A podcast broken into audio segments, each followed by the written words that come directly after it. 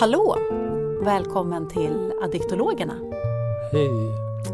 Det här är ju en, vår andra podd som vi gör nu. Eh, och jag heter Linda Norgren. Och jag heter Andreas Fjällström. Vi driver Samverkangruppen där vi jobbar med addiktologi. Och i dagens avsnitt så tänkte vi berätta vad är addiktologi? Prata lite om det. Ja. Och först så kan vi bara kort berätta lite om vad vi gör på Samverkangruppen. Vi har ju både beroendebehandling för sex och kärleksberoende till exempel, både för män och kvinnor. Vi har grupp för anhöriga, för medberoende, också män och kvinnor. Och sen har vi enskilda samtal, parsamtal och traumabearbetning, alltså så kallade processgrupper där man jobbar enbart med just traumabearbetning. Så det är en verksamhet vi har och, och sen har vi även intensivveckor i vuxna barnveckor och mer veckor som är specifikt kring sex och kärleksproblematik. Och vuxna barnveckorna är ju för folk som har vuxit upp i olika dysfunktionella familjesystem eller olika typer av problematik. Det börjar ju från tolvstegsrörelsen för ACOA kallades det för på den tiden. Vuxna barn till alkoholister. Men nu, nu behandlar man ju utifrån alla olika typer av dysfunktionella. Mm. Man har ju sett likheterna med, med liksom problematiken oavsett vilken dysfunktion det är i familjesystemet. Mm. så att mm. säga. De veckorna har vi haft ganska många år. Ja, de började vi med 92 och jag och Andreas tog över verksamheten 2013 men vi har fortsatt på samma linje. Eh, och just vuxna barnveckorna brukar, man ju också, brukar också vara det som ligger liksom och trycker på och som sen fram, ja, framöver skapar beroende, till exempel att man hamnar i beroende. Mm. Som en då... överlevnadsstrategi som sen utvecklas. Exakt. Sen, sen utbildar vi också addiktologer. Och det är det vi ska gå in på och prata om idag. Men som kort övergripande beskrivning kan man väl säga att det är en, en beroendeterapeututbildning som har ett väldigt vitt eller holistiskt perspektiv på beroendeproblematiken och vrider och vänder på det både utifrån att det är familjeproblematik och liksom alla aspekter egentligen av beroendet och att, att alla de behöver tas med i beaktande när man behandlar problemet. Så att man kan säga att en, en utbildning som också bortsett från det också är en egen process. I och med att man ska jobba med människor så, så behöver man jobba med sig själv för att kunna möta människor. Mm. Och det är, det är väldigt avgörande. Ja. Och utbildningen startade också runt 90, början på 90-talet. Ehm, och då från början så, så var det en, Eh, mentor som eh, Torbjörn och Helena Fjällström då, som grundade det här hade från eh, USA, från Hazelden som sa men gör en behandling för socialarbetare men kalla den för utbildning. Mm. Och det var lite på det spåret som utbildningen växte fram och det har fortsatt på samma spår. Det är det som egentligen är det unika med, det finns många beroendeterapeututbildningar men det som skiljer till största delen är nog den här fokuset på egenutveckling. Ja, och på gruppprinciperna. Liksom. Mm. För den, den är också rätt unik. Och den kommer ju från tolvstegsfilosofin egentligen. Vår gemensamma välfärd bör komma i första hand. Personligt tillfrisknande beroende av sammanhållningen i gruppen. Mm. Och, och, att man liksom är maktlös och måste börja på nacken inför sin egen problematik. För, för att genom att man gör det komma fram till lösningen. Liksom. Mm.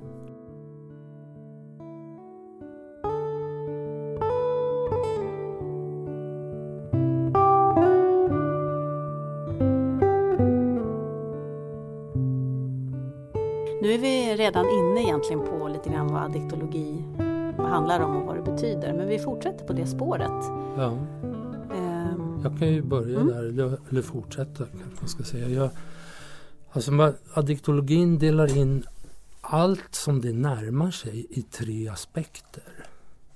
Och där, där, där man alltid eller alltid börjar, det, det, spelar inte så stor roll egentligen var man börjar. Men, men det, det finns tre perspektiv eller tre grundstenar i, i allt egentligen.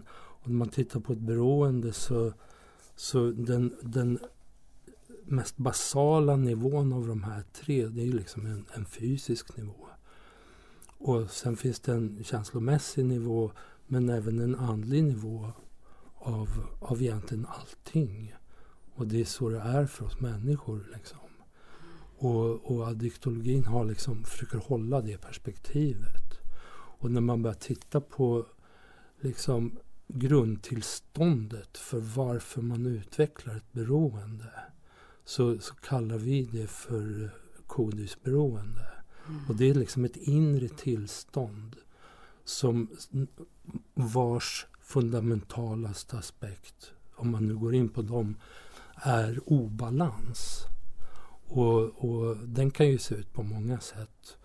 Men om man ska generalisera så, så handlar det om att barnet på ett eller annat sätt inte blir mött.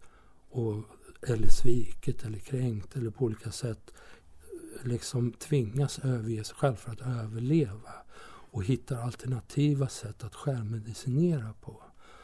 Och där finns det ju två i alla fall eh, väldigt effektiva självmedicineringsstrategier. Och den ena handlar om mat och den andra handlar om sex.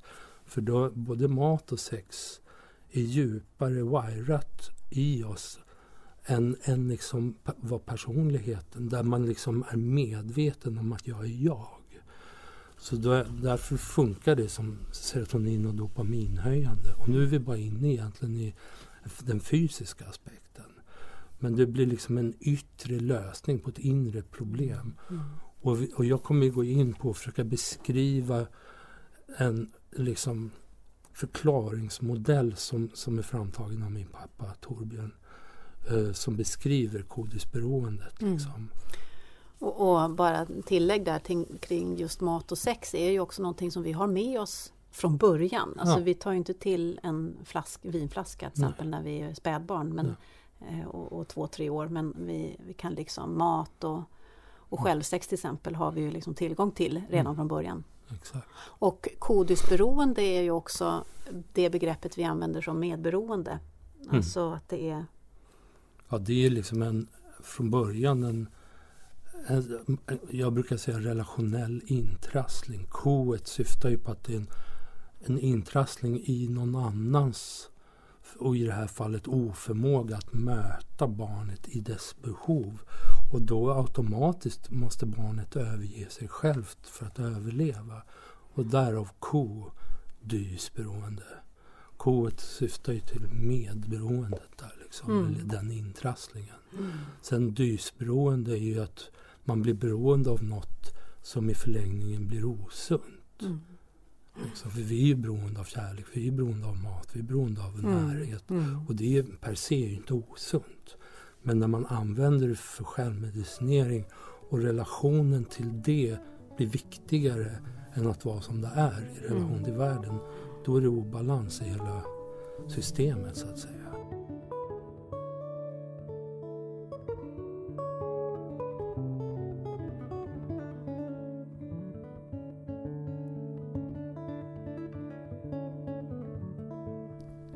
Ja, nu, nu har vi börjat gå in på sätt och vis ganska djupt i kärnan av diktologin och prata om, om obalans och, och inre tillstånd. Så om vi bara backar eh, bakåt lite och tittar på den mer övergripande bilden så addiktologi bygger ju egentligen på du var inne på det här med att det är tre grundstenar, yeah. tre olika energier ja. nästan kan man säga. Då, så det är indisk och kinesisk psykologi och filosofi som finns liksom som ett fundament, som en pedagogisk modell i botten mm. som vi hela tiden använder för att belysa och gå in och liksom dissekera olika grejer.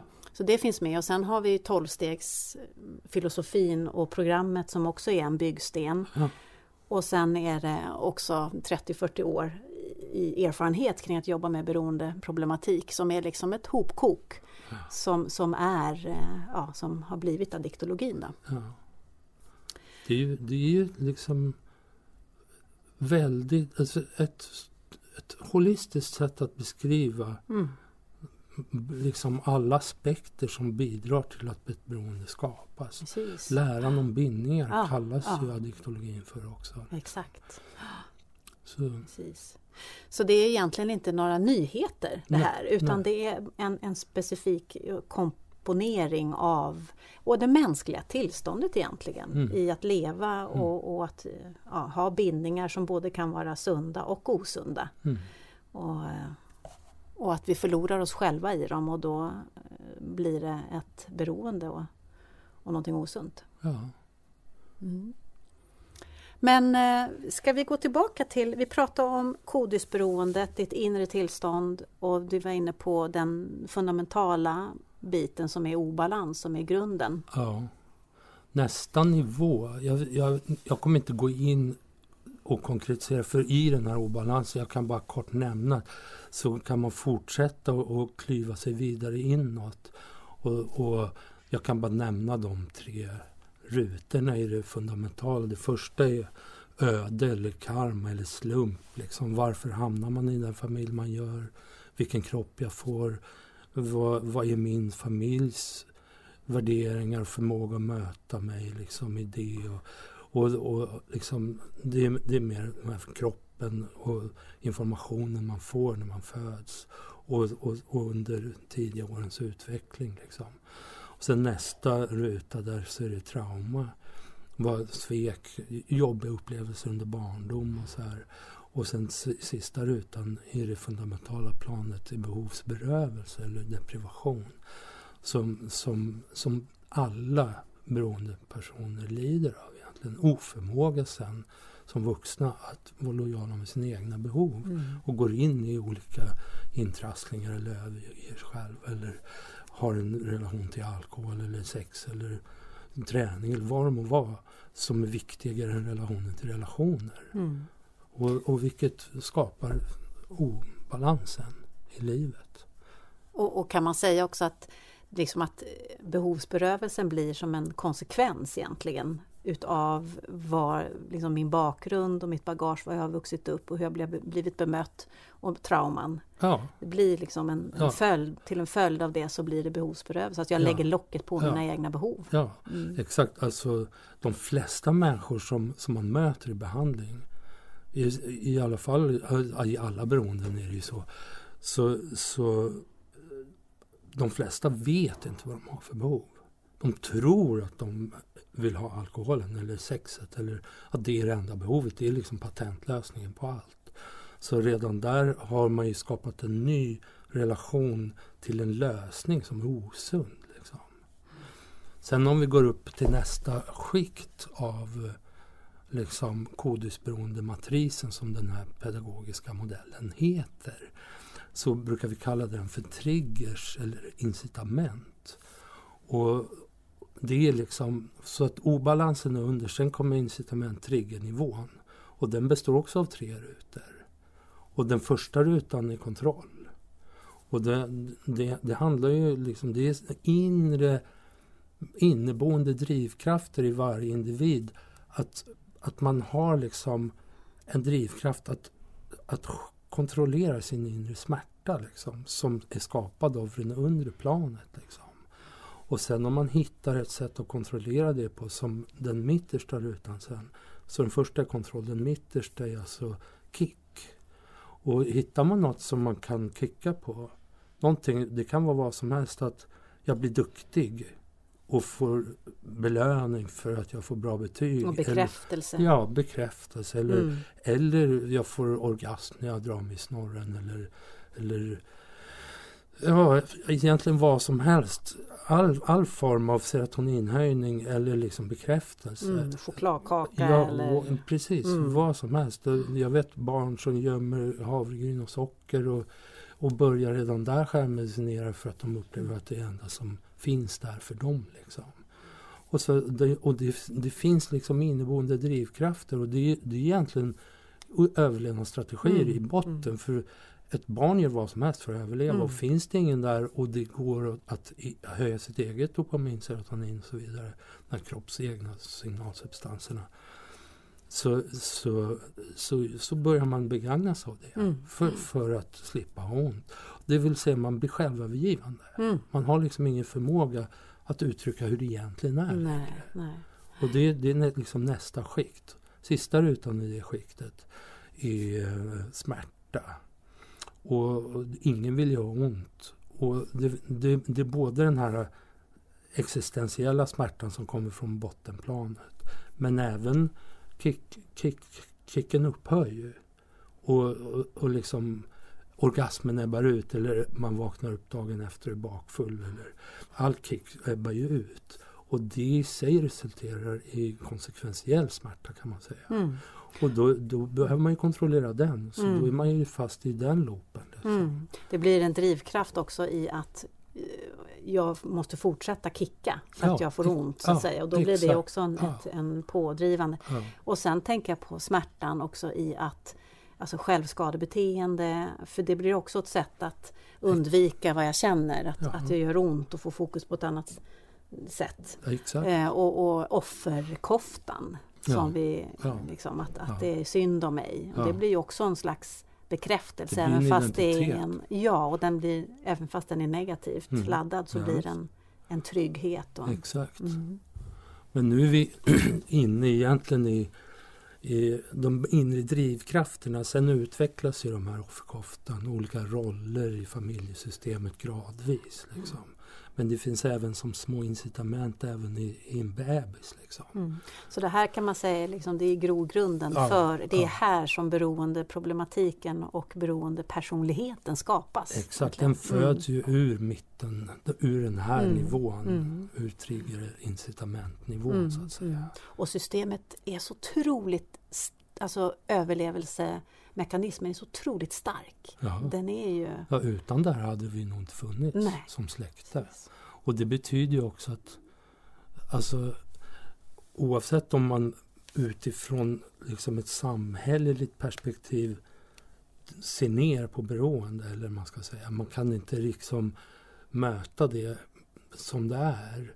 För att man, det finns så mycket värderingar, det finns så mycket liksom, idéer kring, kring liksom beroendeproblematik och, och mm, stigmatisering. stigmatisering och, och, vissa, det är ju även kriminella, kriminaliserat allt möjligt. Och det, i, I grunden tror ju inte addiktologin på det utan vi behöver möta det som det är. Det, det är ju individer som har haft en väldigt trasig bakgrund mm. som har hittat sätt att överleva på. Mm. Mm. Sen behöver man ju ha korrekt behandling och hjälp Precis. för att ta sig ur det. Mm. Det, där, det, det, är inte liksom, det är svårt att bemöta något om man ska värdera det. Mm. För då har man redan ett eget filter. Liksom. Mm. Och därav också behöver man jobba med sig själv för att kunna jobba med andra beroende. Precis. Annars kommer ens egen värdering ligga i väg. Exakt, just det. Mm. Så det, det och det, det fokuserar, fokuserar vi på, mm. på utbildningen ganska mycket också. Mm. Den egna processen. Mm. Liksom. Mm.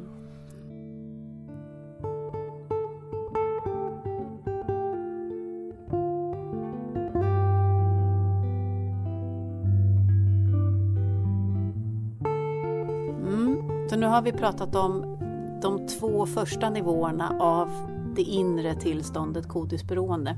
Yeah. Och då har vi en nivå kvar egentligen. Ja, den Var, himmelska nivån. Den himmelska nivån. Konsekvensen kan man också säga, så att ja. säga av att vi har hittat överlevnadsstrategier. Och vad händer med systemet då? Ja, liksom? exakt. Mm. Och bara för att påminna de två tidigare först. Det, det var ju först obalans, sen incitament slash trigger och nu sista nivån är självdestruktion. Mm. Och det, i, i botten, i och med att man lär sig överge sig själv så leder alla de här överlevnadsstrategierna slutligen till döden. Mm. Det, och det är tyvärr så med, med beroendeproblematik att det är där man hamnar. Om man inte får hjälp eller något sätt att ta sig ur.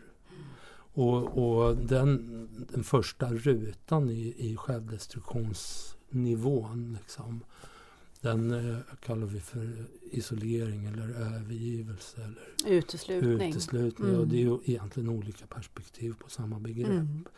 Och, och, och, det är också en grej som jag vill inflika egentligen med addiktologin. tack vare att vi har de här kinesiska och vediska filosofiska förklaringsmodellerna så kan man vrida och vända på alla perspektiv. Vilket gör att det, det, blir, det öppnar upp och skapar mer upplysning eller, eller mer kunskap istället för att man fastnar i ett perspektiv. Och uteslutning är ju isolation från ett annat håll. Eller mm. isolering. Det beror ju mm. på bara på vilket håll man ser ifrån. Och en beroendeperson som inte blir mött och som utvecklar en relation till klitoris eller snoppen eller havregrynspåse med socker eller vad det må vara börjar ju överge sin egen smärta och skapa en relation där, så, som man sen isolerar och gömmer och mm. döljer på grund av mm. skam. Mm. Det här är mm. fel och man känner inte att det, man blir inte mött som man själv tröstar liksom, på ett eller annat sätt. Eller som du var inne på det här med självskadebeteende. Det är ju också ett sätt att flytta ut smärtan mm. ur alltså kodisberoendetillståndet. Mm. Flytta ut det på skinnet. Precis. Och få se det och få känna det på riktigt. För mm. det är jätteobehagligt att ha det här. Många beskriver ju kodisberoendetillståndet som någon sorts hål i solarplexus eller tryckande, sugande, liksom något omött frustrerat Som pockar behov. på lösning ja, hela tiden. Mm. Och, och, kognitionen letar ju desperat efter mm. en lösning. Mm. Och börjar man automatisera det till slut så blir ju bindningen till lösningen det man tror att man behöver. Exakt. Men det är inte mm. egentligen det som är problemet. Nej. Och där upplever jag idag att även medicinindustrin är. Mm. De löser ju liksom de överger det inre och ger kognitionen någon sorts temporär lösning som egentligen inte är hållbar i längden. Nej, det blir en symptombehandling. Ja, symptombehandling, exakt. Ja. Det det. Och, och när du är inne på det här med isolering och uteslutning så är det ju du, du, du kommer bort ifrån dig själv. Alltså ja. Du stänger av ja. den inre smärtan. Men den inre smärtan är ju också kopplad till allt det där fina som är du. Så att jag menar, du, blir ju, du lägger locket på det också. Ja, det så det blir mer och mer, nej, eh, det blir mer och mer ensamt. Ja. Och där, där, därför många sexberoende som jag har mött har ju blivit liksom diagnostiserade som depression till exempel. Mm. Och, och, det är klart att man blir deprimerad om, om liksom sexberoendet eskalerar längre och längre, men man blir mer och mer isolerad, slutar ha relationer. Mm. Mm. Slut, om Säg att det är porrberoende man är. Många slutar ju till och med öppna posten till exempel. Man bara sitter där och sitter upp hela nätterna och onanerar till en dator till exempel. Och, och liksom meningen med livet, meningen med relationer, allting tappar färg och innehåll. Mm. Och man isolerar sig mer och mer och mer. Mm. Liksom. Mm. Jättetragiskt. Men och, och till slut, så, det är många som hoppar framför en bro. I synnerhet om man inte blir mött i vad det egentligen är liksom, man lider av. Mm. Man går, ja, få en medicin och fortsätta stänga av. Liksom. Mm. Ja. Sen, sen värderar inte addiktologin medicinering heller så. Vi, vi är ju öppna för liksom det finns ju människor som är så långt under isen så att de behöver någon sorts plattform för att ens kunna fungera och mm. ta sig från punkt A till B. Kanske komma in i behandling eller vad det må vara. Mm. Och då kan man gradvis avveckla medicineringen för mm. att man sen mm. sakta blir sitt eget språkrör. Ja, men det är precis, det är inte någon ingen lösning nej, på möjligen, problemet. Nej. Men den Jag brukar kalla det för krycka ja. under, under. Men, men det är ju det är sällan det behövs mediciner. Mm. I min, mm. Som jag ser det. Ja, det var isoleringen. Ja, Vad kommer näst, sen då? Det, där har vi den mittersta rutan i, i den översta nivån om man säger. Och det är ju, ska vi se om jag kommer ihåg det. Kommer du ihåg det? vänta här, ja men det, vänta nu. Jo men ansvarslöshet är det. Och, och jag brukar skoja med det begreppet och vända på det. Svara an. Och en människa som är liksom i det här tillståndet kan inte svara an på sina behov. Och, och resultatet blir ju ansvarslöshet. Och, och sen, sen hur det uttrycks, de flesta beroende människor de kan inte passa tider, de säger en sak och gör en annan och så vidare. Så, mm. Och det, det, finns många aspekter i det här. Mm. Det är både inre, ja. att, att inte ta ansvar för sig själv ja. och sina behov, men ja. också yttre. i plick, för, förhållanden och plikter och, och, allt annat. I relationen till lösningen som är dysfunktionell egentligen är viktigare än relationen till relationer så kommer man ju alltid bli oärlig. Man kommer alltid upprätthålla den relationen först. Och det kommer ju få konsekvenser i andra relationer. Så det finns djup aspekt av ansvarslöshet där. Ja, och sen har vi ju då den tredje rutan i den, ja, på det översta hyllplanet. Eh, självdestruktionsplanet. Så nu har vi alltså gått igenom eh, isolering, övergivelse, uteslutning, ansvarslöshet. Och den tredje rutan är självdestruktion. Nej, självhat. Självfrakt, självhat. Och det är också ett sätt att trycka ner det inre mm. kognitivt. Men, och en konsekvens av allt under det här liksom, mm. som vi har gått igenom. Mm. Och ytterligare en drivkraft kan man väl säga för att självhatet i sig föder ett behov av att fortsätta. Ja exakt, det, precis. Det blir ett det bränsle. Blir, ja det blir ju. Det blir i alla fall någon sorts konklusion att det är ingen idé. Jag kan lika gärna göra vad fan som helst. Och det leder ju som sagt till döden, alla beroenden. Mm. Och självhat är ju en bra drivkraft för att trycka ner sig själv och, mm. och rättfärdiga vad som helst egentligen. Liksom. Mm. Så där har vi kodisberoendematrisen. Mm. Och det, för kodisberoendematrisen är ju eh, en av tre matriser som addiktologin använder för att beskriva hela sjukdomsbegreppet. Exakt. Så, så då är det här grunden, det inre tillståndet mm. och sen har vi en som vi kallar för länken och den så att säga, det blir som en brygga över till ett utagerande eller till det yttre. Ja. Hur det här tar sig uttryck. Och den, den föds ju ur triggernivån, incitamentnivån. Mm. Så grund, grunden i länken är så att säga samma som det mittenplanet i kodhusberoendematrisen. Men den går vi inte in på idag. Okej. Okay. Eh, nu har vi nu har vi pratat om kodisberoendet och, och vi kommer fortsätta utveckla de här grejerna, gå in på de andra två matriserna. Det kommer vi inte göra nu utan det kommer längre fram. Vi kommer även fortsätta att beskriva diktologins, liksom, den övergripande delen som också är det här med grupputveckling och, mm. och lite andra bitar. Men det, det, kommer framöver så fortsätt lyssna. Tack, kul Tack. att ni lyssnar.